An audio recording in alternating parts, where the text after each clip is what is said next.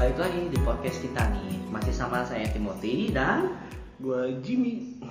Kali ini kita tuh mau bahas tentang profesi impian atau pekerjaan kekinian nih dari para milenial atau generasi-generasi sekarang. Ya.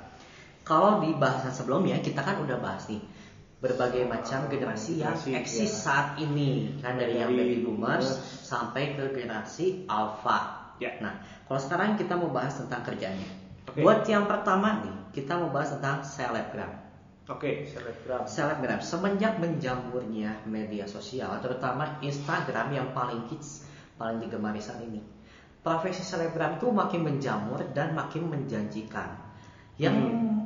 Berlomba-lomba pengen jadi selebgram tuh banyak banget. Karena apa? Ternyata penghasilannya lumayan dari selebgram Ya. itu endorse-nya tuh Jadi selebgram itu tuh nggak cuman artis ya. Jadi Betul. orang biasa pun yang biasanya followernya banyak, aktif, Betul. biasanya bisa jadi bisa kita sebut selebgram. selebgram. Tapi eh, sekarang tuh memang identik kalau pengen jadi selebgram, Ya. pasti Instagramnya tuh harus menjual, harus yang menarik banget. Mm-mm. Nah itu, eh tapi by the way kemarin tuh ya, saya Ya. tuh di inbox Ya. ditawarin untuk di apa dia tuh jualan jasa follower. Oh, oke. Nah jasa follower, ternyata sekarang tuh follower tuh dijual banyak, Dijual. betul dijual. Jadi Terakhir yang gua tahu tuh like, like, follower, like, komen, komen. Nah.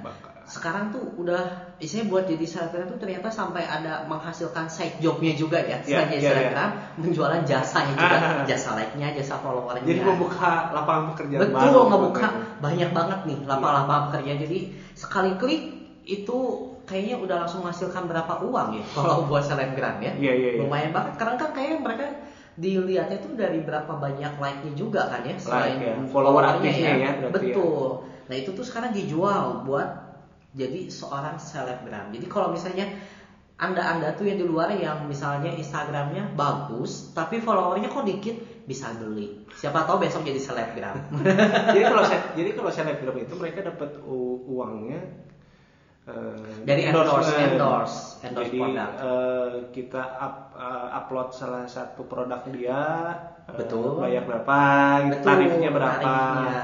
Macam-macam sih kalau kemarin saya eh, tahu tuh ya. Hmm. Jadi endorse tuh ada yang dari jumlah banyak followernya. Kalau followernya Oke. masih nggak terlalu banyak, ya mungkin untuk satu produk tuh ya 300 ribu. Itu misalnya Oke. dipajang di Instagramnya tuh di dindingnya ya satu minggu. oh gitu Begitu, jadi ada ada rentang waktunya nggak 300 Enggak. ribu selamanya enggak. Oh, jadi setelah itu dihapus gitu ya Betul. setelah masa kontraknya kontraknya habis, habis, dihapus Oh, postingannya oke. gitu. Tapi kalau mau diperpanjang bisa. Nanti mungkin ditanya ya, ini udah mau habis nih seminggu, mau perpanjang nggak bayar lagi. Bayar lagi. Panjang lagi se- seminggu lagi. Kalau udah habis ya udah lewat. Nah, yang, Seperti yang itu. gue tahu itu tuh sekarang tuh ada tren eh, bergeser. Kalau zaman awal-awal Instagram itu endorsement endorsement itu tuh sangat eh, ak- ya, endorsement yang bagus itu tuh ke selebriti selebriti Betul. ke eh, orang-orang Public yang- figure lah public ya. figure lah ya yang punya followernya banyak banget. Bentar. Nah, sekarang itu katanya udah mulai bergeser. Jadi endorsement-endorsement itu lebih banyak ke orang-orang yang punya followernya aktif dan belum tentu seleb selebritis. Betul. Jadi karena gini katanya, orang-orang tuh udah mulai kritis. Ah, dia mah ngomong enak karena di endorse. Betul. Kayak misalnya eh, Giselle, misal eh, kulit apa pemutih kulit. Hmm. Oh dia, dia mau udah mau putih, terus di endorse. Iya, Jadi udah pasti Orang pikirnya pasti gini, ada emang kulitnya udah Iya. bagus gitu kan. Iya itu Nah, jadi nggak nggak nggak seolah-olah tuh nggak jujur gitu ya. ya. Nah itu tuh udah mulai bergeser ke orang-orang yang mungkin followernya cuma 100 ribu. Tapi gini loh, kemarin ini saya dapat eh, apa ya, dapat kayak dari mana ya? Kayak ada link gitu. Jadi Mhm. ada orang curhat. Ya. Si orang itu tuh jadi selebgram dan dia promo promosiin obat pemutih. Iya. Di Instagramnya sih iya, orangnya putih gitu ya, putih Oke. putih bersih bersih. Terus bocorlah hasil foto sebelum editnya ternyata hasilnya bulotok. nah, Berarti Tapi- produknya. nah itu produknya kan jadi tanda tanya juga Iya, ya. Iya. Cuman ternyata tapi apa ya disebut nipu ya mungkin Iya. disebut nipu juga iya mungkin ya tapi ya itulah salah satu kelebihan jadi selebgram ya ya mungkin itu memudahkan mendapatkan endorsement. betul yang penting kayaknya asalkan punya kamera aplikasi 360 atau bisa edit Photoshop Iya. sampai bagus banget terus tampil di Instagramnya kayaknya langsung bisa jadi selebgram Kadang gini, eh gue pernah punya, jadi temennya temen itu, temen kecilnya temen itu tuh, teman kecil teman jadi saya, Betul. jadi gue punya temen nih, Iya, iya. temen kecilnya dia itu tuh Iya. eh, sekarang tuh jadi public figure lah, Wis. public figure, salah satu vokalis boy band lah, dulunya boy, Boy band, band. Oke, Eh, oke, oke, oke oke. kan ya, kayaknya tahu nih boy band mana nih Ya, nah, dia itu tuh eh, sekarang itu tuh eh, punya kelebihannya karena apa? public figure eh, dia endorse yang paling besar yang gua taunya sih sepatu, salah satu merek sepatu itu. Mhm. Jadi kelebihan dia itu nggak cuma dapat uang. Jadi ada beberapa produk itu nggak nggak ngasihnya uang, tapi kelebihan-kelebihan misalnya produk terbarunya dia yang dapat duluan. Eh, free produk. Betul, tapi Kayak kalau sepatu. jadi endorse kayaknya emang gitu ya. Tapi itu kayaknya udah kayak lebih ke ambasadornya. Ya kalau itu ambasador. Nah yang lebih lebih lebih kalau kata gue sih lebih gila lagi itu kalau dia misalnya ke Bali nih, Mm-mm. eh, ada kerjaan di Bali, Betul. Terus eh, manajernya itu kita nginep di sana yuk. Jadi sebelum kita eh, ke sana dia udah nelfon dulu manajernya sana, PR-nya sana. gue mau ke sana nih sama si ini, si Hmm. A. Eh, kita bisa dapat eh, bisa barter apa enggak gitu. Jadi Oh. endorsement itu tuh nggak nggak cuman Nggak cuma sebesar sebatas dari uang aja ya. ambasador, tapi hal-hal kecil gitu Hal-hal tuh yang bisa saling bisa dimanfaatkan kedua belah pihak. Iya. Jadi, mungkin karena kalau dia ke Bali nginep di hotel itu, terus Dia dia, tinggal- posting di Instagramnya, Ah, bilang story. apa pun itulah ya. dia di story. gua datang ke sini ke hotel ini oh enak nih gini bla bla bla. Itu pun udah di salah satu promosi sih ya buat Ya. hotelnya sebenarnya ya. dan eh, buat si orangnya kan si public figure-nya jadi salah satu keuntungan juga jadi dia nggak harus terima endorsement Dan dia juga sebenarnya si public figure jadi hemat biaya ya. Iya. Tapi kayak kalau public figure yang kayak gitu biasanya masih seputar ya. Dia selebriti kurang terkenal gitu ya. biasanya yang, minta tapi kalau misalnya enggak tapi kalau misalnya memang kalau si public figure ini kurang terkenal kan si hotelnya juga nggak akan mau kan bener nggak Ben- tapi biasanya mungkin itu selebriti-selebriti yang sensasinya Mungkin, banyak ya, mungkin, jobnya mungkin. kurang, tapi karena sensasinya banyak, ya mau aja hotelnya Oh, karena iya. kayak di pencarian Google kayak namanya langsung muncul. bisa jadi bisa jadi mungkin mungkin mungkin nah, selain itu, selain selebgram, oke eh, kerjaan bukan kerja itu profesi yang lagi hits banget. Iya, cita-cita anak sekarang. Cita-cita anak sekarang pengen jadi apa? Youtuber. Iya. semenjak apa sih orang pengen jadi youtuber kayaknya kalau di Indonesia tuh semenjak orang-orang tuh tahu Ria Ricis Ya. sama AHA Aha. AHA Gen Halilintar Ya. Halilintar ya Tor aja kalah loh itu nah youtuber itu penghasilannya tuh ternyata gede banget nih kayak si Atta Halilintar itu Atta Halilintar aja dia tuh kan saat ini telah memiliki lebih dari 18 juta subscriber Wow. luar biasa kan berarti Satu kota Jakarta lah ya. Mungkin kayak apa iya ya satu kata juga ada 18 juta orang ya. Atta itu diperkirakan memperoleh pendapatan tuh 4,5 miliar sampai 73 miliar per tahun. Tujuh empat koma tiga 4, miliar 5 miliar. lima miliar ya dibagi 12 lima kom eh, sa- sebulan sekitar iya, puluhan lah ya. Ya puluhan, ratusan, berapakah itu? Ya segitulah ya Segituan lah pokoknya ya. Nah itu kan penghasilan youtuber itu jadi menjanjikan banget ya. Dari youtuber aja dia bisa beli rumah, ujung Hmm. kepala sampai ujung kaki itu yang branded semua. Iya. Terus udah gitu ke- sekarang jadi terkenal jadi artis juga. Ah, Penghasilannya udah lebih dari segitu kayaknya. Oh lebih itu gue yakin itu dari YouTube-nya doang kan. Betul. Belum endorsement yang kita tahu, belum dia punya site eh, Iya, saya Side yang lainnya ya side job, usaha-usaha Usahanya ya yang salah satunya clothing ahanya itu Ya, kan. Ya, clothing. sekarang lagi mulai dirintisnya itu. kue-kue selebritis biasanya kan ada ya, nggak tahu gua aha ada kayaknya ada sih keripik keripik kalau nggak salah gua tahu Ada ya keripik Ada. apa? Aha. Asia Setahu gua ada ada keripik Asia gitu. Oh. Nah, eh, di luar pasti di luar si YouTube-nya sendiri pun penghasilannya udah cukup besar. Kayaknya, tapi kalau ini dilihat dari YouTube-nya aja penghasilannya segini kayaknya seru ya. Cuma dari YouTube aja, nggak usah kerja kantoran, tidak ada keterikatan apa pun, dapat Mhm. penghasilan 4, mili. Isinya kalau dia lihat aja penghasilan terendahnya dia dengan 18 juta subscriber itu 4,5 miliar. Kebayang nggak coba 4,5 miliar.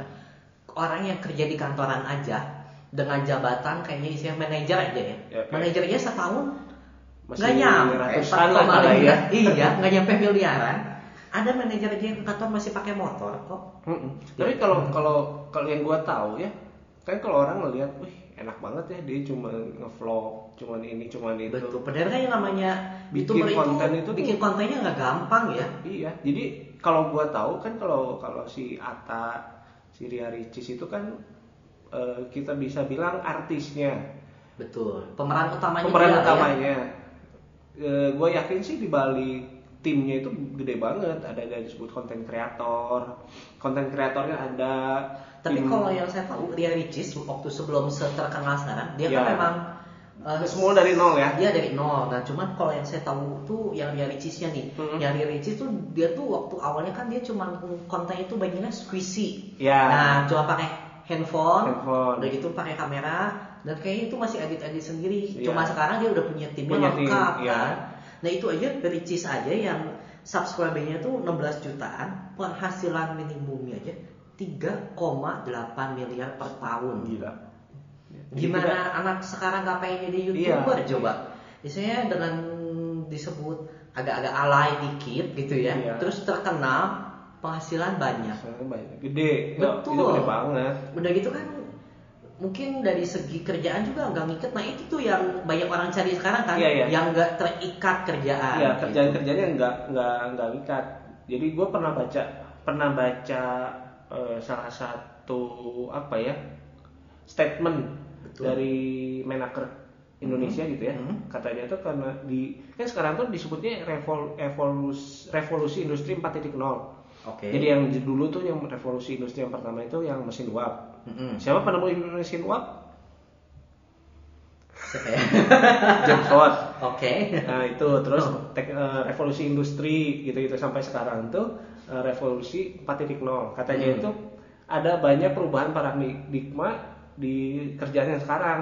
Jadi orang-orang yang sekarang itu tuh udah nggak nyari status pekerjaan yang tetap, tapi mereka memilih untuk tetap bekerja. Jadi eh, pilihan orang-orang sekarang itu bukan lagi kerja kantoran, tapi mereka mencari kerjaan-kerjaan yang Ya kayak youtuber gitu Ya. ya, yang tidak mengikat seolah-olah iya ya. seolah-olah tuh dia mereka nggak punya jam kantor Nggak- ya. jam kerja Betul. Tapi mereka kan kalau untuk saat ini buat anak-anak sekarang memang kan mereka nggak suka dengan hal-hal yang mengikat ya. Mm-mm. Jadi kayaknya kerjaan-kerjaan yang kayak gini tuh memang cocok sih ya buat yang sekarang-sekarang. Ya. Asalkan mereka tuh ya kreatif ya bisa bangun-bangun kontennya. konten ya di, di luar ya si selebgram dan si youtuber, YouTuber. itu eh, mereka bisa disebut juga konten kreator kan. Betul betul. Youtuber terutama YouTuber ya, konten konten, kreator nah, banyak juga. Jadi konten kreator itu tuh nggak cuman dia bikin konten tapi juga cop- eh, copywriter. Jadi ada beberapa yang setahu gua kalau kita Hmm. bikin konten itu tuh nggak cuman eh, apa yang punya di kepala kita dituangin langsung langsung Hmm. syuting gitu. Enggak jadi memang prosesnya itu tetap harus melewati copywriter dulu jadi kita ketik dulu apa nih kita mau bikin apa nih Jadi kayak ada naskahnya dulu naskahnya gitu ya. dulu, eh, Oh. script writingnya dulu. Oke. Walaupun mungkin itu nggak seribet se ini kayak kita bikin film. Hmm, Tapi tetap hmm, hmm. kalau mau bikin konten yang bagus, memang proses itu harus dilewatin. Betul. Jadi memang jadi kita tahu timelinenya sejauh apa, kontennya nggak keluar dari yang awalnya kita mau bikin dan hasilnya maksimal gitu karena semua itu udah udah tersusun gitu, udah rapi. Soalnya kebayang ya kalau misalnya bikin konten di YouTube tapi susunannya Iya. nggak ngurut gitu terus nggak menarik Nggak menarik, gitu. kan iya. percuma juga ya sebenarnya ya Orang sekreatif kreatifnya bikin konten kalau dipaksa videonya apalagi youtuber ya Iya. Harus dikeluar seminggu sekali satu video Itu minimal ya. satu minimal sekali seminggu ya. sekali ke keluar video itu dalam dua bulan tiga bulan dia udah pasti stres kalau dia nggak punya tim ya. Sebenarnya bukan masalah tim ya, tapi kalau dianya kurang kreatif. Mm-mm. Nah, kalau dia kurang kreatif, terus nggak tahu nih YouTube dia tuh mau arahnya ke mana, Ke mana, mau iya. bahas apa. Nah itu tuh sebenarnya susah banget tuh. iya iya Karena kan kalau sekarang ya namanya youtuber karena udah banyak, Mm-mm. terus bahasanya juga udah mulai sama ya, Iya. banyak bahas hal yang sama misalnya kalau lagi zamannya ngeprank ya banyak yang semua prank, prank semua ya. ikutan gitu. Nah game itu kan semua bahas game betul, nah otomatis kan ada suatu ciri khas nih, misalnya Betul. prank yang A sama B bedanya apa sih? ya Nah, kalau misalnya cuman copy paste aja pasti kan orang juga ah sama ini sih. iya Gitu kan jadi kreatifnya nggak ada Iya, gitu. ya proses kreativitasnya itu yang memang kalau di konten kreator di uh, se- kalau kata gue ya selebgram juga dia harus berpikir gimana cara Bikin konten-konten konten-konten yang Instagram dia yang menarik Iya. ya, yang bisa mengundang makin banyak endorse, endorse, datang iya, ya. foto dia harus mikirin foto angle-nya dari mana. 90 derajat ya Nah. dari atas dari bawah Itu. itu ya patokannya ya. Nah selain itu Oke. ada juga nih pekerjaan yang sebenarnya kalau ini pekerjaannya udah agak lama nih. Tapi sekarang juga mulai digandrungi yaitu blogger. Hmm. Nah kalau blogger, kalau dulu kan kita nulis blog, nulis blog tuh kan cuman buat misalnya ada blog tentang uh, diarinya dia aja, Ya. buat sarana saling komunikasi, cari Hmm, teman. Nah tapi kalau blog sekarang udah mulai jadi bisnis. Oke. Nah bisnisnya tapi banyaknya apa sih kalau di blog tuh yang paling banyak tuh adalah food blogger. Oh iya, ya. betul betul. Nah. Instagram juga eh, food blogger itu juga nggak cuma di blog tapi di Tapi Instagram, di Instagram udah banyak. juga. Nah tapi Instagram tuh sangat-sangat ini ya, sangat-sangat efektif ya. Efektif Jadi ya. bisa buat promonya sebagai endorse, Ya. tapi bisa juga buat jadi promonya makanan gak cuma produk Ya. gitu ya. Itu lo jadi media yang sangat-sangat berfaedah sekali ya Hmm. Instagram itu ya. Mm-mm. Di Instagram itu jadi banyak terbuka lapangan kerjaan baru. Salah satunya food blogger. Betul. Nah, food blogger aja kalau misalnya memang mau diseriusin, itu tuh nggak cuman orang yang nge-review makanan, Betul. ada fotografernya. Food fotografi. Mm-mm. Ada stylistnya. Makanan pakai stylist ya di make up ya. Iya, jadi apa sih namanya kalau kalau di Ya ditata lah ya, ditata makanya biar penataan ya, ya. kalau di foto tuh bagus. Table setting lah ya. Nah, table settingnya. Nah itu, itu ada ada sampai ke segitunya loh. Jadi nggak cuma food blogger yang dia datang foto eh, review Betul. makanannya ini Tapi ini dia ini, juga kan harus pintar ya ngambil angle-angle makanan yang bisa menjual tuh. Iya. gimana. Karena makanan yang kesannya biasa aja kalau di foto yang menarik jadi kayak Wah. "Wah, kayaknya enak Iya, ya iya, baksonya iya. tuh ya. Padahal cuma bakso sama siomay lah. Betul, gitu kan kelihatannya menarik nih. Iya. Kayaknya itu kalau dimakan lagi hujan-hujan gini ya Hmm. bakso ya disambelin, dicukain, aduh. Udah luar biasa ya kayaknya. ya. next. Oke. nah, sekarang Oke. selain si food blogger itu ternyata blog-blog yang jenis lainnya juga banyak ya ada yang fashion blogger, Oh, iya, iya, travel, fashion. nah itu juga masih eh, apa yang masih digandrungi ya sampai saat ini ya. Iya, salah satunya si travel blogger. Travel blogger itu jadi eh, traveler itu jadi salah satu profesi malah sekarang. Betul. Jadi mereka nggak cuma ngeblog, tapi dia juga bikin konten YouTube. Mhm. Jadi eh, Jadi dia sekalian liput juga ya. sekalian jalan-jalan dia bikin konten YouTube. Hmm. Dari konten YouTube menghasilkan dan hasil itu dia bikin buat jalan-jalan lagi. Betul. Nah kalau kemarin ini sih saya ada satu yang sering saya lihat tuh kalau di Instagram dia tuh Mhm. kayaknya sama tuh kayak travel travel gitu, tapi Mhm. dia lebih ke Instagram bukan ke blog. Oke. Nah dia tuh promosiin hotel-hotel mewah Oh. yang ada di Indonesia. Ya. Dan dia juga ada ya beberapa yang di luar negeri, tapi nggak banyak sih. Dia banyaknya Indonesia, tapi Indonesia, ya. hotel-hotel mewah semua kayaknya enak gitu kerjanya jalan sana, jalan Iya, sini iya, iya, gitu iya. kan, dapat penghasilan gitu.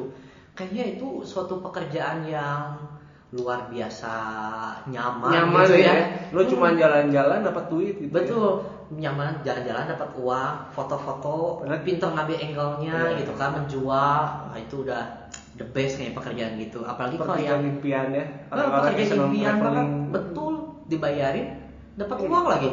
kurang apa coba? Selain kurang ajar namanya ya. Nah berikutnya itu adalah bikin startup. Oke, gimana tuh? Bikin startup itu maksudnya bikin entrepreneur. Betul, kalau jenis startup yang banyak digemari oleh anak muda saat itu adalah kafe. Oh, Bisa itu sekedar ya. tempat untuk ngopi, nongkrong, hingga tempat yang menjual makanan sehat. Iya. Selain itu, startup yang berbasis online juga sekarang udah mulai banyak. Oke. Nah, jadi Coffee startup- shop ya kalau kita lihat di kayaknya di dua tahun terakhir ya. coffee shop yang Banyak mulai banget ya banget shop. banyak banyak banyak. Kalau kayak bisnis-bisnis yang franchise itu kayaknya udah termasuk startup juga mungkin ya. Iya iya iya. Jadi Contohnya mungkin abnormal ya. abnormal. abnormal itu kan jualannya basicnya dia cuma Indomie Indomie, sebenarnya tapi betul. karena dia bisa untuk promosiinnya terus punya suatu hal Ya, yang bisa dia jual kuat, brandingnya kuat jadi benar-benar memang nggak normal jualannya gitu kan cuma dia Iya, bisa iya. laku ya Iya. dia bisa apa booming banget kan abnormal itu sangat digandrungi jadi tempat kayak nongkrong anak muda Iya, kekinian gitu Dia dia dia jual makanan simpel, Indomie, roti bakar awalnya ya, yang gua tahu ya. Tapi gimana bikin eh, tempatnya itu mewah. tapi yang Konsep media tuh awalnya itu. Betul, tapi kalau yang saya sangat kagumin dari si eh, tempat makan itu ya, ya kalau mau disebut lagi bayar lah ya. kalau dari tempat makan itu, Hmm. dia tuh bisa meracik berbagai macam mie instan Oh iya. dengan berbagai macam varian, Varian. topping gitu kan dengan harga-harga sekian. Dia bisa ngeracik terus bikin orang ketagihan pengen gitu ke situ. Dan cuma sekedar buat makan mie instan duduk-duduk Iya. ngobrol gitu kan. Nah, itu kayaknya isinya kan eh, dia punya kreativitasnya luar biasa ya buat nyiptain kon- bukan konten sih Branding, itu, brandnya. tapi brandingnya ya Brandnya kuat. gimana cara dia bisa ngebrandingin produk dia juga ya Padahal itu ya, eh, tempat-tempat makan yang banyak menjual Indomie, varian Indomie. Varian tuh bukan maksudnya rasa soto ayam, soto mie gitu bukan, tapi cara dia menyajikannya di tempat makan dia tuh nggak cuma satu di Bandung, apalagi di Bandung. betul di Bandung kayaknya udah banyak Banyak banget. karena Bandung kan ya mie instan rasa puncak lah ya Ya. Nah, kelebihannya si tempat ini, si abnormal ini, dia tuh brandingnya kuat. Betul. Nah, ngomongin branding itu jadi satu kerjaan juga. Orang yang bisa bikin eh, gimana satu sih cara branding. menjual si produk itu yang nge-brandnya tuh gimana sih kuatnya Iya. misalnya kayak bikin tagline ya. Tagline-nya terus kayak Logo. gimana ya?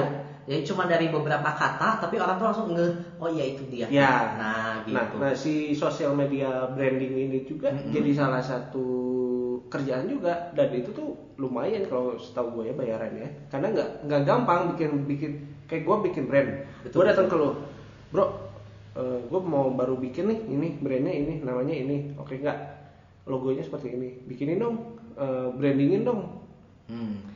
Nah itu biasanya butuh ini ya, Butuh pengalaman. Pengalaman. Terus dia juga kan kayaknya butuh ini, Analisa butuh analisanya, pasar. pasarnya seperti apa. Terus relasinya juga harus Iya. luas sebenarnya kalau mau- iya. apa mempopulerkan suatu brand, Brand itu ya. iya, iya. Kalau dia nggak punya relasi juga susah ya. susah iya iya Memperkenalkannya ke siapa? Kalau misalnya kayak di medsos aja kan, Mm-mm. kita mau menciptain suatu produk, brandnya ini loh. Kalau Iya. misalnya medsos kita followernya cuma 10 orang ya udah Iya. susah buat dia, budgetnya juga. Dia dia harus analisanya kuat, analisa pasarnya kuat. Maksudnya kapan eh, kan kalau kalau di Instagram sekarang udah dikasih apa insight ya. Insight. Ya, Nah, di kita kita bisa lihat tuh. kan eh, follower kita paling banyak nge-like atau lihat foto kita hari apa, Betul. jam berapa. Di jam-jam berapa, di hari apa dia muncul loh semua Nah, data analisanya. nah analisa itu yang biasa dipakai oleh eh, orang-orang yang Buat kerja nge-branding nge-branding itu. itu. Oke. Salah satunya ya, itu salah Hmm. satunya. Oh. Nah gitu, jadi ilmunya itu cukup banyak sih kalau Hmm. orang yang mau masuk di eh, branding ini. Branding, jadi orang ya. yang mau kerja di eh, membesarkan satu branding gitu, konsultan lah bisa dibilang Hmm. Konsultan, konsultan, ya. gitu. Jadi dia tuh bantu promo lah ya. Bantu promo. Bantu promoin si produk itu ya biar Iya. bisa dikenal, Dikenal oleh masyarakat orang, ya. ya. Mau ke dikenal masyarakatnya di kalangan yang mana, bisa mahasiswa atau itu kan eh, pasar itu kan eh, khusus gitu. Jadi Betul. memang orangnya memang harus tahu. Jadi memang ilmunya itu nggak nggak dikit memang. Betul. untuk yang si soal konsultan branding ini ya. Betul karena kalau kita sampai salah aja produk itu kalau salah cara promonya ya cuma dua pilihan ya. Kalau sukses ya pasti laku, kalau Iya. gagal ya udah hilang habis, gitu. iya. Habis langsung detik itu juga kan. Betul. Karena kalau saya saya kan dulu tuh kerja di distributor makanan lah ya, yang udah terkenal di Indonesia gitu. Nah dia ciptain suatu produk yang udah ada sih sebenarnya dan Iya. itu adalah kue-kue kayak sejenis kastengel kalau di lebaran. Oke. Nah, cuman ini dibuat dalam bentuk kemasan kekinian, ceritanya. ceritanya. Nah, Nah, ternyata produk itu pada saat branding, pada saat awal orang tuh udah kecewa. Ah, Nah, akhirnya cuma bertahan tiga bulan, hilanglah itu produk dari pasaran. iya iya iya. Salah branding berarti. Salah ya? branding Salah, bukan salah branding mungkin. Salah Produknya cara promoinnya Mungkin gitu. atau enggak produknya memang nggak maksimal mungkin. disebut gak maksimal awal kemunculannya memang tidak maksimal nah cuma pada saat diperbaharui jadi lebih baik cuman Oke. mungkin karena orang udah Udah ya. awal Iya, pertama iya. kesan pertama itu Kesan, penting betul, betul. selanjutnya terserah anda dari, dari mata jatuh ke hati kan. Oh, curhat itu Oke, next. Yang berikutnya adalah make up artist Oke. Wih. Nah ini banyak banget sekarang nih. betul nih bahkan salah satu dari teman kita juga ya ada ya namanya make up artist Makeup ya artist. tapi susah gitu mau nyebutin mereknya Harus bayar ya. Jadi kalau dulu, kalau orang mau make up itu kan harus ke salon ya. Ya. Nah, kalau sekarang kan enggak ya, banyak banget freelancer. freelancer make up yang bisa dipanggil ke rumah buat bantuin make up, buat Yes. acara wisuda, Ya. buat acara misalnya keundangan sekali-sekali lah ya. Wedding. Wedding juga Bride. sekarang banyak ya pakainya ini ya make up artis yang perorangan bukan ke Perorangan, salon ya. lagi ya. Betul betul.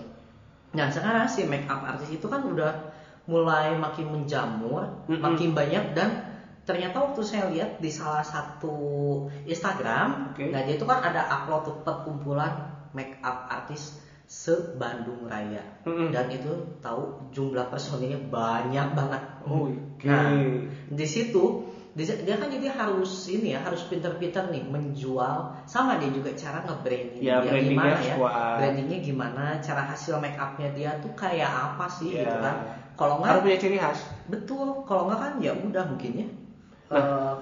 bakal mati juga sih Iya. Si makeup artist makeup artist itu tuh setahu gua nggak cuma untuk makeup artist, eh, make up cantik gitu ya. Hmm, oh make up jelek juga bisa Ada.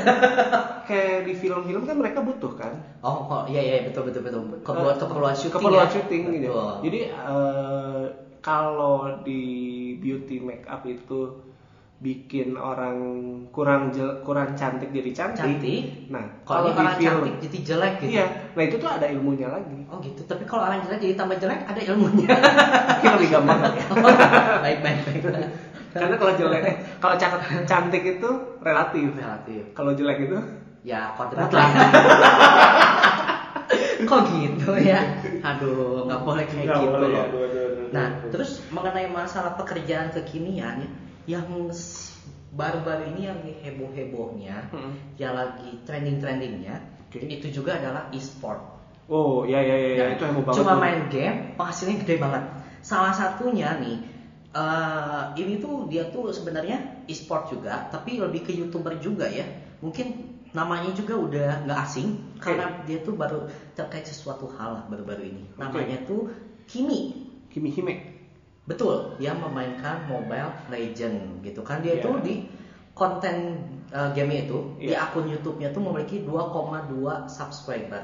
Nah, memperoleh pendapatan sampai 33,5 juta sampai 543 juta per bulan. Itu per bulan loh 500 juta. Gila ya. Cuma main Jadi game ya. main game, promoin di YouTube, di-upload sambil dia ngomong dan segala Iya. macamnya ngasih Nah. tahu cara main game ini itu dapat sebulannya 500 juta. Masih ada nggak sih? Gua ternyata belum lihat lagi. Ada, Masih ada, ada? ada, ada, ada, ada, ada Tertutup jadi sekarang. ya udah lebih, Lebih tertutup sopan kan? Lebih santun sopan lah, ya. betul udah lebih sopannya cuman ya namanya sesopan sopannya juga ya tetap Iya, gitu tetap lah ya.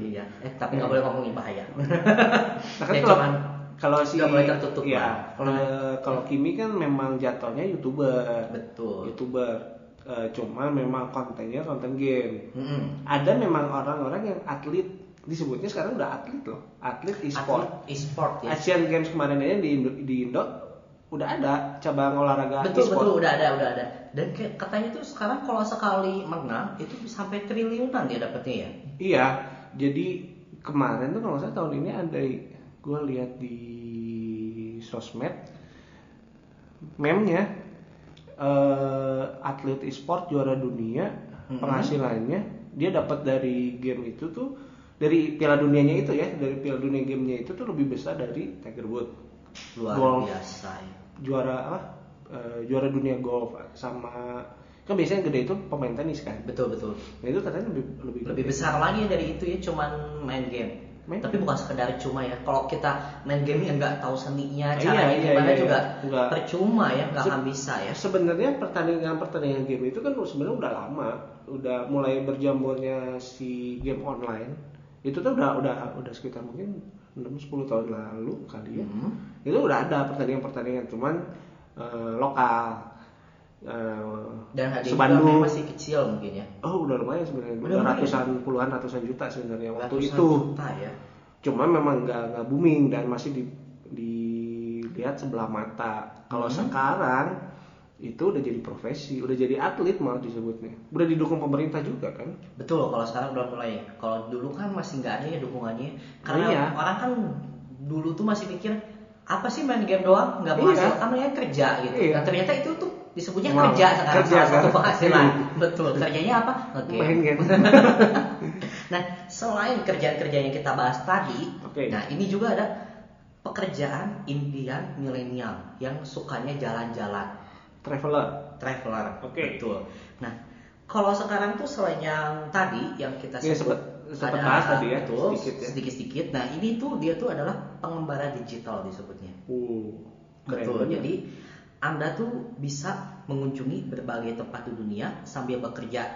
Misalnya freelancer jarak jauh. Jadi sebagai penulis, editor, blogger, bahkan sebagai manajer pemasaran. Nah, traveler digital lainnya termasuk fotografer perjalanan, konsultan dan lainnya. Jadi sembari ya tadi yang kita lihat ya, jadi kayak sambil dia bikin blognya, bisa jalan-jalan ke mana Ya. gitu kan, sambil dia juga bikin kontennya, konten hasilnya betul. dari situ. Nah, jadi eh, penghasilannya double ya dari Betul. kerjaan bener dia Mhm. dan dari blog travel dia Betul. Hmm. Nah, selain itu ada juga kalau di Eropa tuh pengasuh anak-anak oh gitu. Nah, itu adalah pekerjaan eh, yang mulai booming tapi kayaknya di luar ya. Kalau di sini kayaknya nggak ada ya remaja mau jadi pengasuh anak gitu. Iya iya, karena mungkin kalau di kita lebih budayanya nggak segitunya kali ya. kan kalau kalau kalau kita lihat di film-film juga kan kalau orang tuanya ada acara Betul. anaknya dititipin di rumah karena kan satu rumah itu cuma paling bertiga atau berempat Betul. papa mama anak nah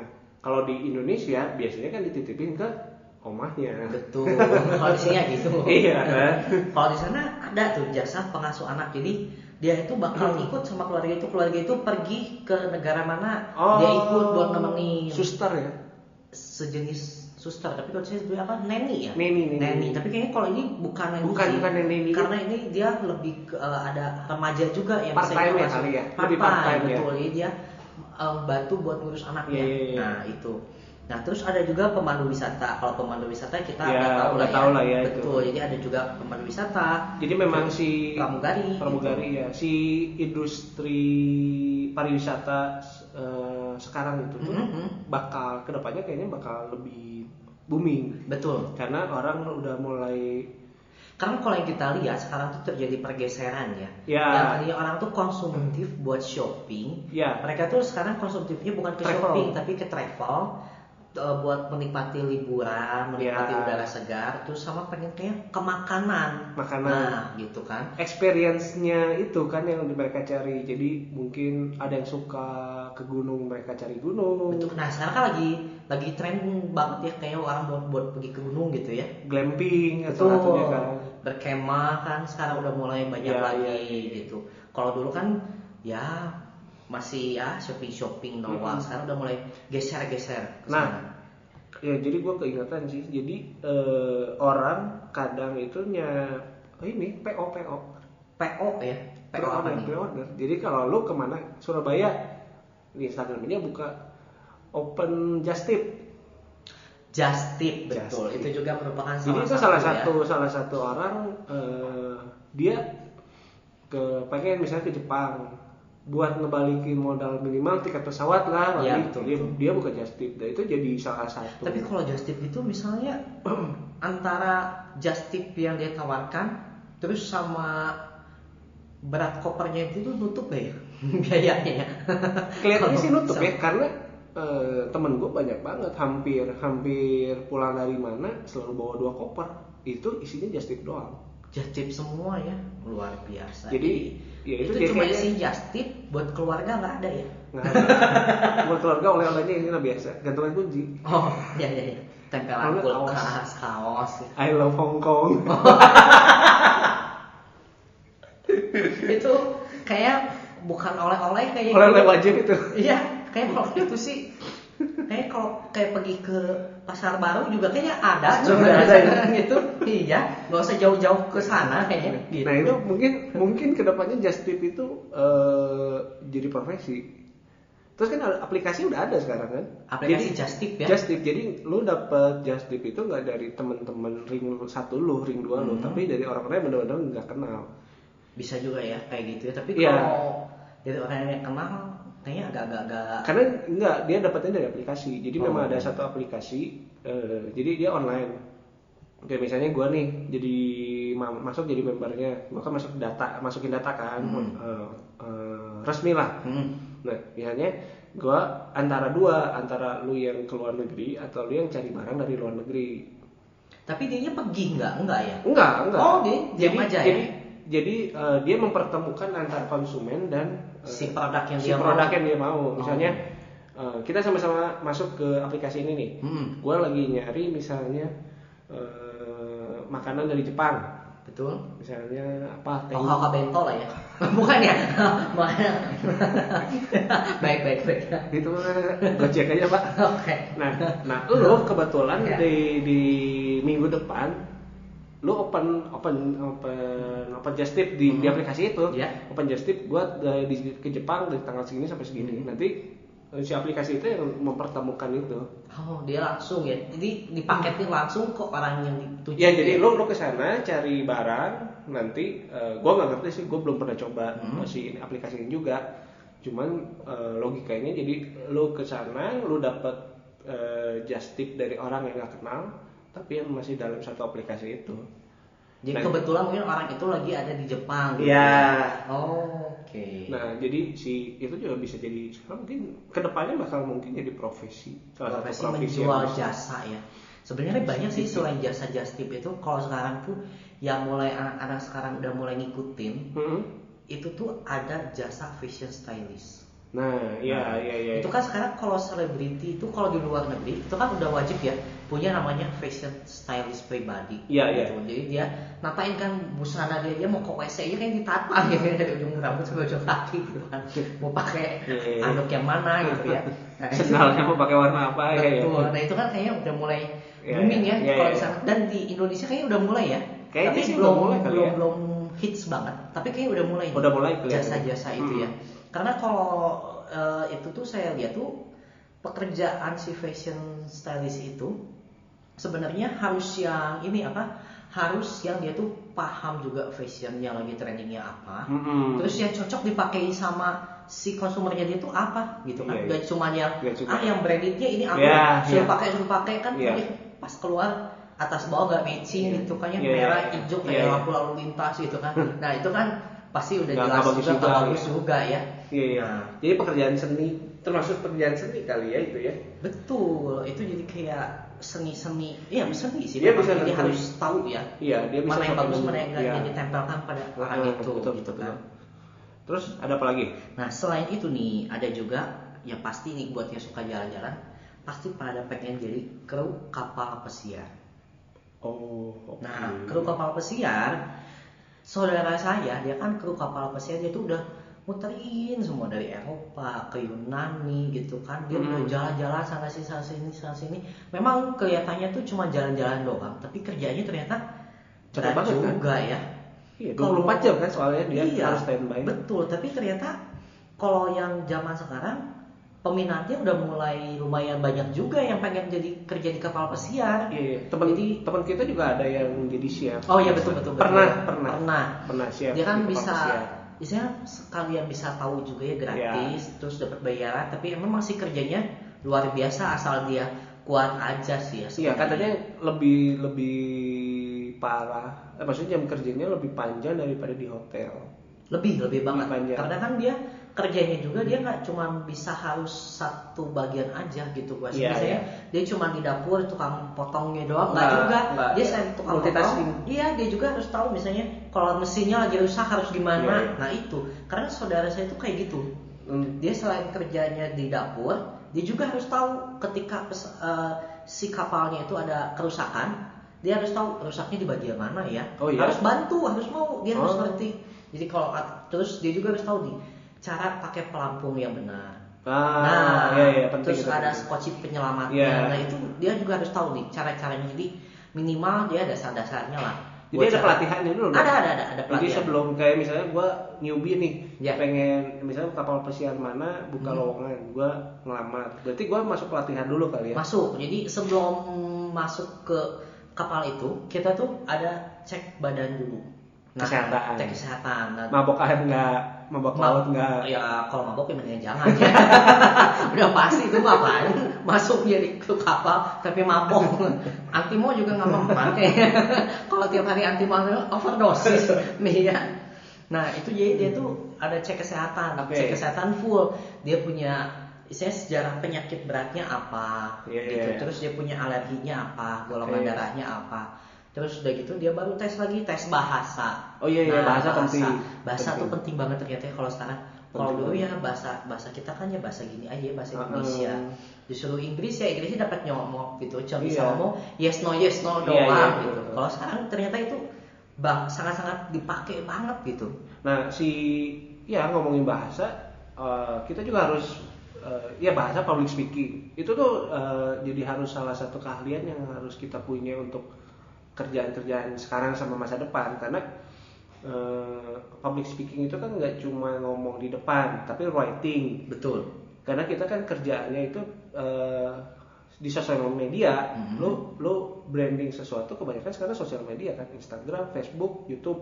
betul Nah itu eh, skill writing itu, skill menulisnya juga harus lumayan, harus oke, biar branding produk lu tuh eh, makin makin kuat gitu. Mhm. Jadi eh, bahasa asing pasti menulis, eh, public speaking, terus kita juga harus bisa kerja dalam tim karena kebanyakan sekarang tuh kerjaan-kerjaan yang sekarang itu lebih ngutamain eh, tim, tim. ya, daripada perorangan Betul. Jadi udah udah nggak udah nggak zaman lagi eh, Superman di eh, sa- salah satu eh, kantor misalnya. betul yang Jadi dia kerja segala kerja macam segala sendiri, macam, iya. udah gak zaman Udah ya nggak zaman. nah denger ya jadi kalau ada yang kerja di kantor masa gitu jangan mau sekarang gitu jangan mau jadi Superman gitu. baik ya Nah, manajemen waktu juga. Hmm. Karena kan kalau kita eh, bahas dari kerjaan-kerjaan yang tadi eh, kita bahas kan, Betul. itu kan waktunya fleksibel semua kan, Betul. bukan eh, office hour yang 9 to 5. Hmm. Tapi- Tapi, ada juga sih yang Ada ada beberapa tadi ada. ada beberapa ya yang jadi ada bukan office hour sih tapi lebih mengikat juga ada Mengikat ya. ada. Tapi kebanyakan itu eh, kerjaan-kerjaan yang sekarang kita lihat enak Hmm. itu tuh sebenarnya kita harus eh, strict sama waktu. Kapan kita harus eh, kerja, kapan kita harus kelihatan santai. Nah, padahal kerjaan-kerjaan kayak Tapi gitu. kalau yang tiap hari santai itu gimana? Iya. Kerjanya, kerjanya apa tuh? Pengen tahu itu. Iya. Nah, Dia tiap hari santai tapi dapat duit dapat itu duit untuk mau tuh apanya? Ya bisa Kerja mungkin ya? Anda jaga lilin gitu kan. Bisa tiap hari santai. Oh, iya, benar. santai itu.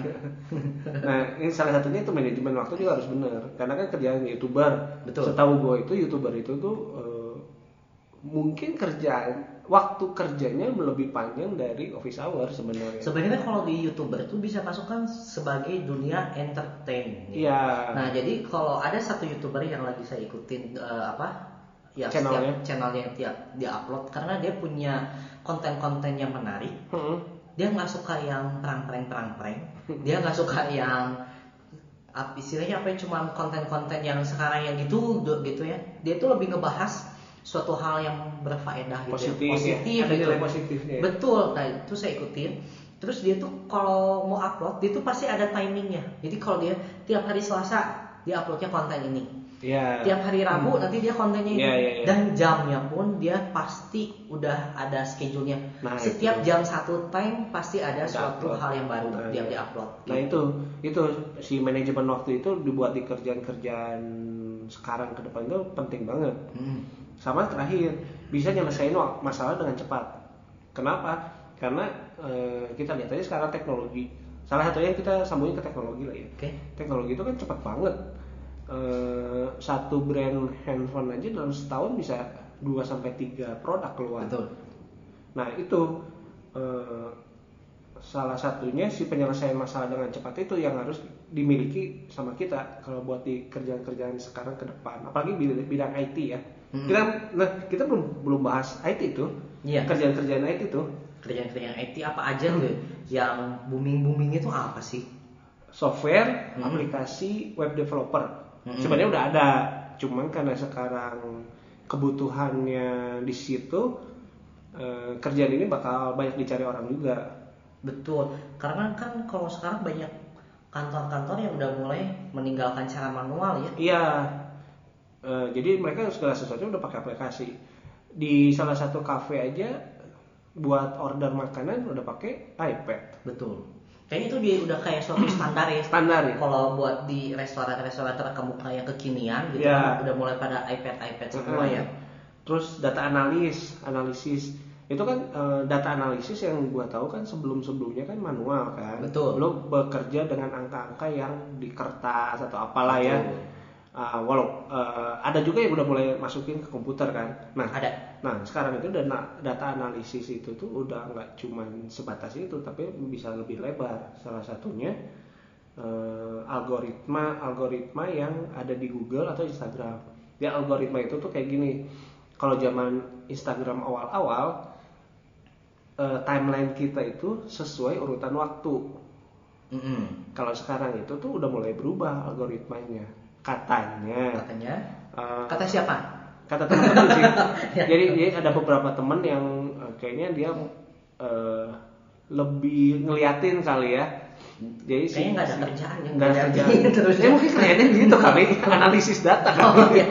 Nah si si konten konten eh, apa timeline timeline itu tuh udah nggak nggak nggak harus ngikutin waktu. Waktu misalnya gue lima menit yang lalu keluarin konten, lu Tapi by the way mengenai orang yang nggak ada kerjanya ngeliatin itu ada loh. Saya sering saya juga mengamati Instagram saya gitu kan karena saya juga Nggak ada kerjaan juga ya, Pak?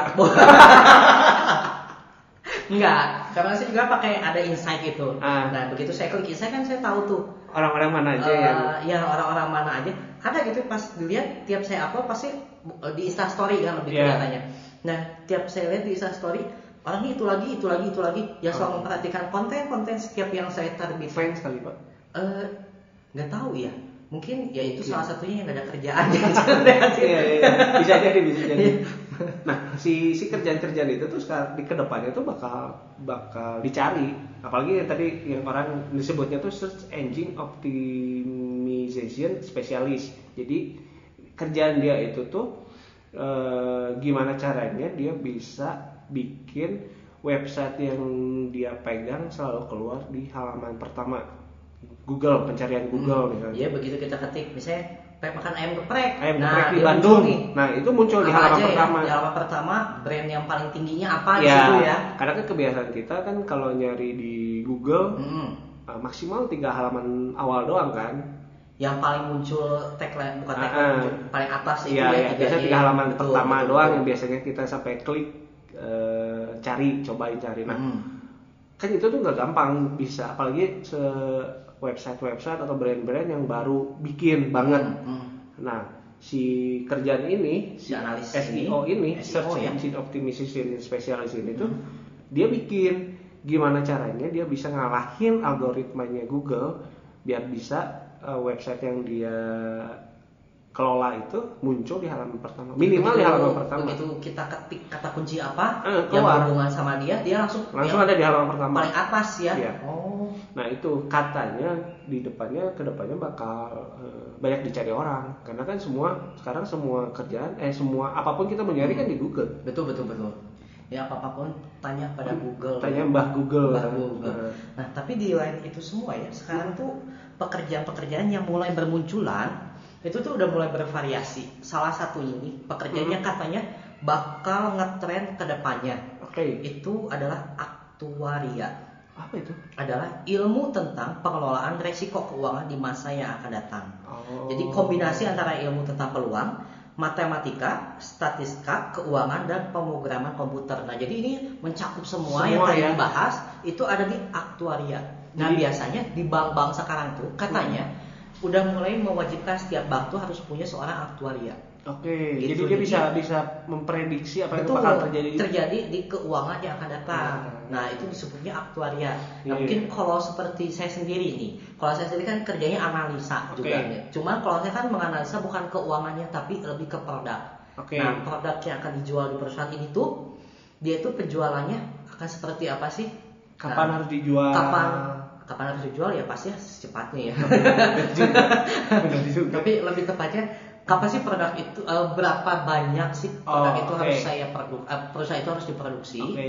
Nah terus kapan sih repeat timingnya lagi? Oh. Nah jadi jangan sampai nanti misalnya produk itu kebanyakan, Iya, iya, iya. kesedikitan gitu kan. Kalau kesedikitan itu kan yang paling bahaya ya sebenarnya. iya. Yang Orang betul banyak yang nyari, barang kita barangnya habis. ada. Nah itu juga terus kita juga kan harus bisa mampu menganalisa misalnya produk itu bakal tren gak sih di Iya, pasaran. betul, betul. Nah, nah sekarang kerja pekerjaan kayak gini tuh lagi udah mulai banyak yang membutuhkan yang mencari gitu. Iya, iya. Nah, iya. karena kan buat mencari orang yang mampu menganalisa kayak gitu kan jarang. ya. punya Terus ilmu khusus kan itu kan.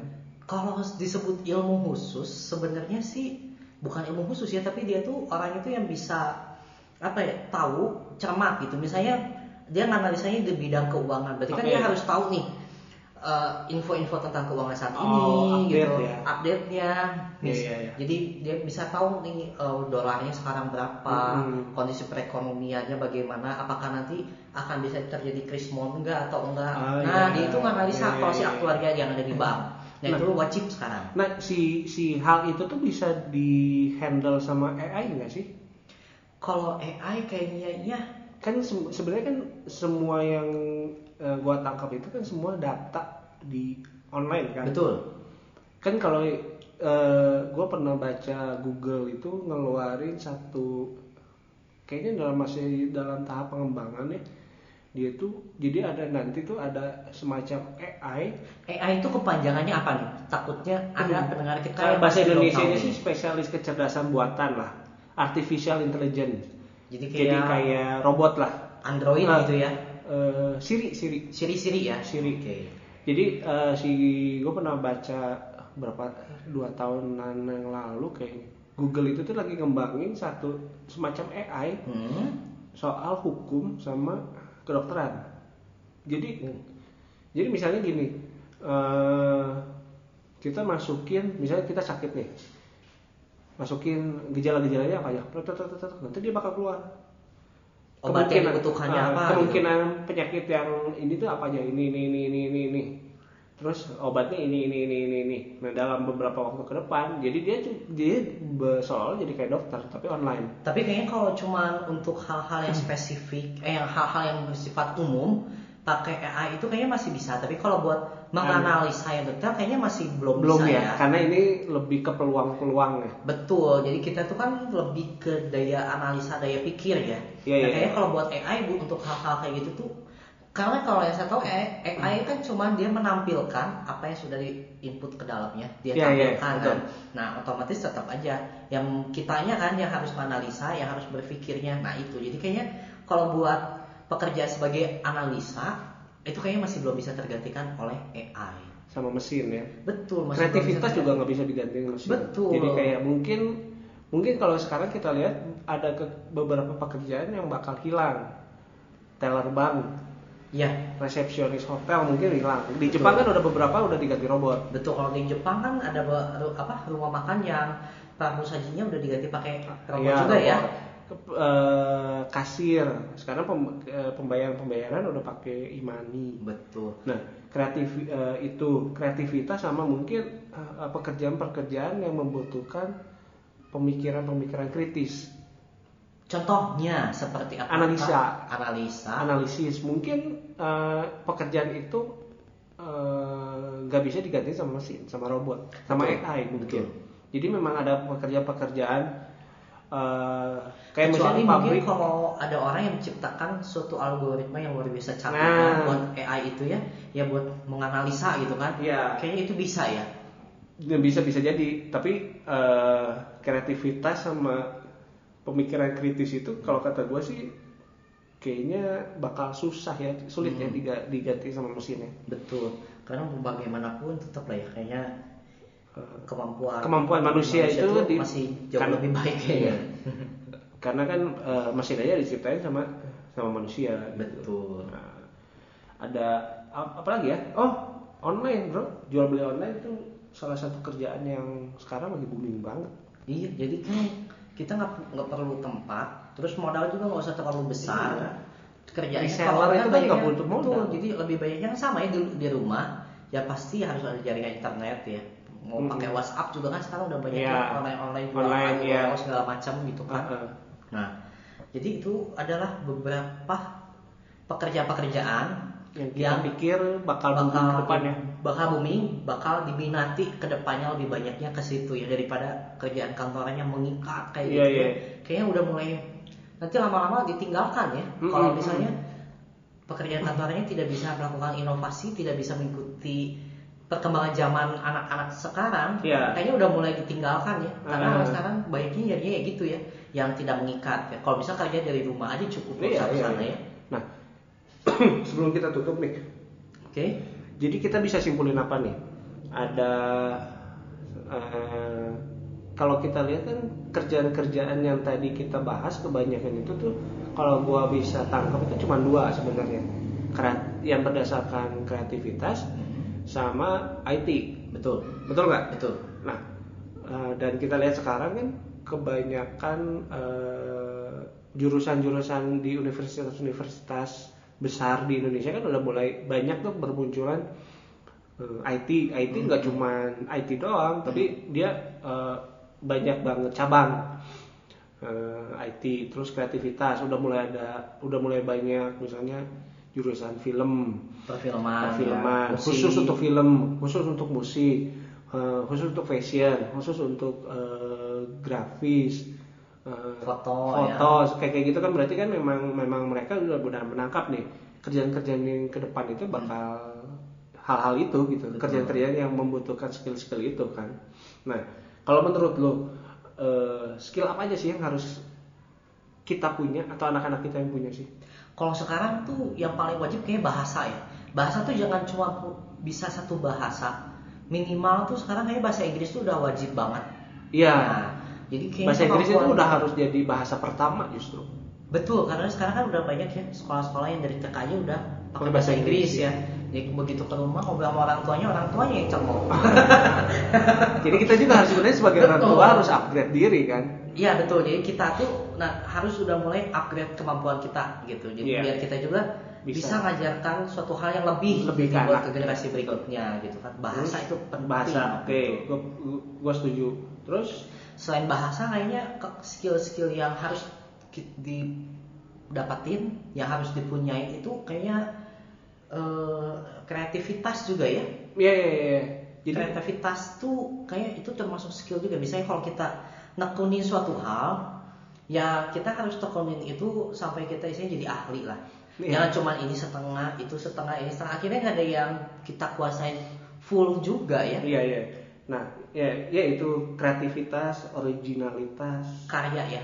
Menciptakan suatu karya yang iya, original yang pelopor lah.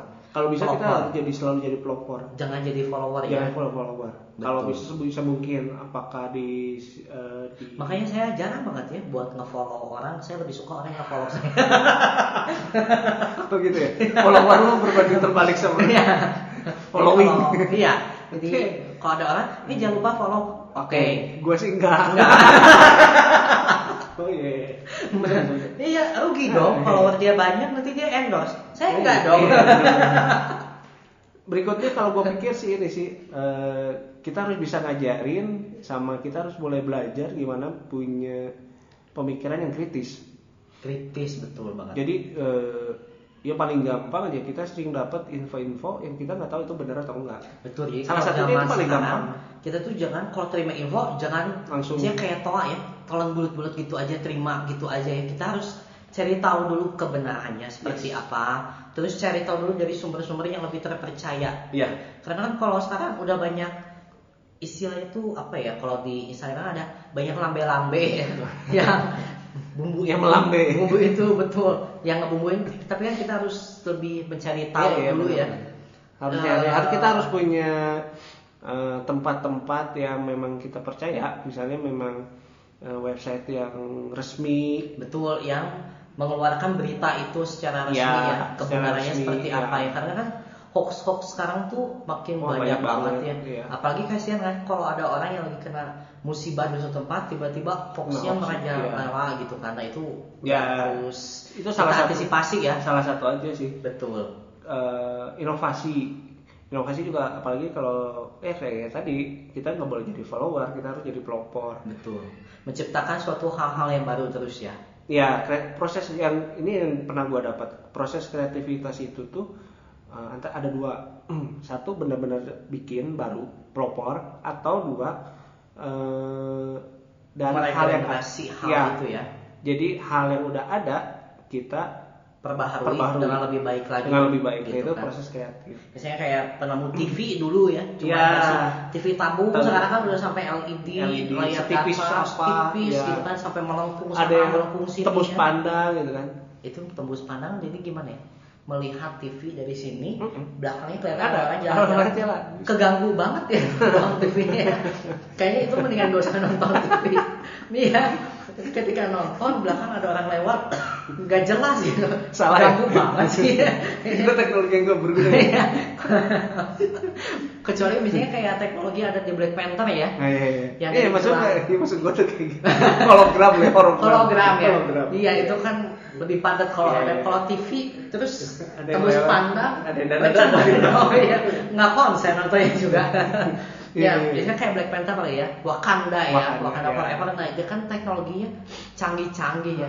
Dari gelang Heeh. muncul gitu kan. Iya. Orangnya lagi apa bisa menyembuhkan. Mungkin ke depannya bi- bisa kayak bisa gitu bisa ya. jadi, bisa jadi. Terus salah satu hal yang harus kita ajari juga, eh, kita harus terus belajar.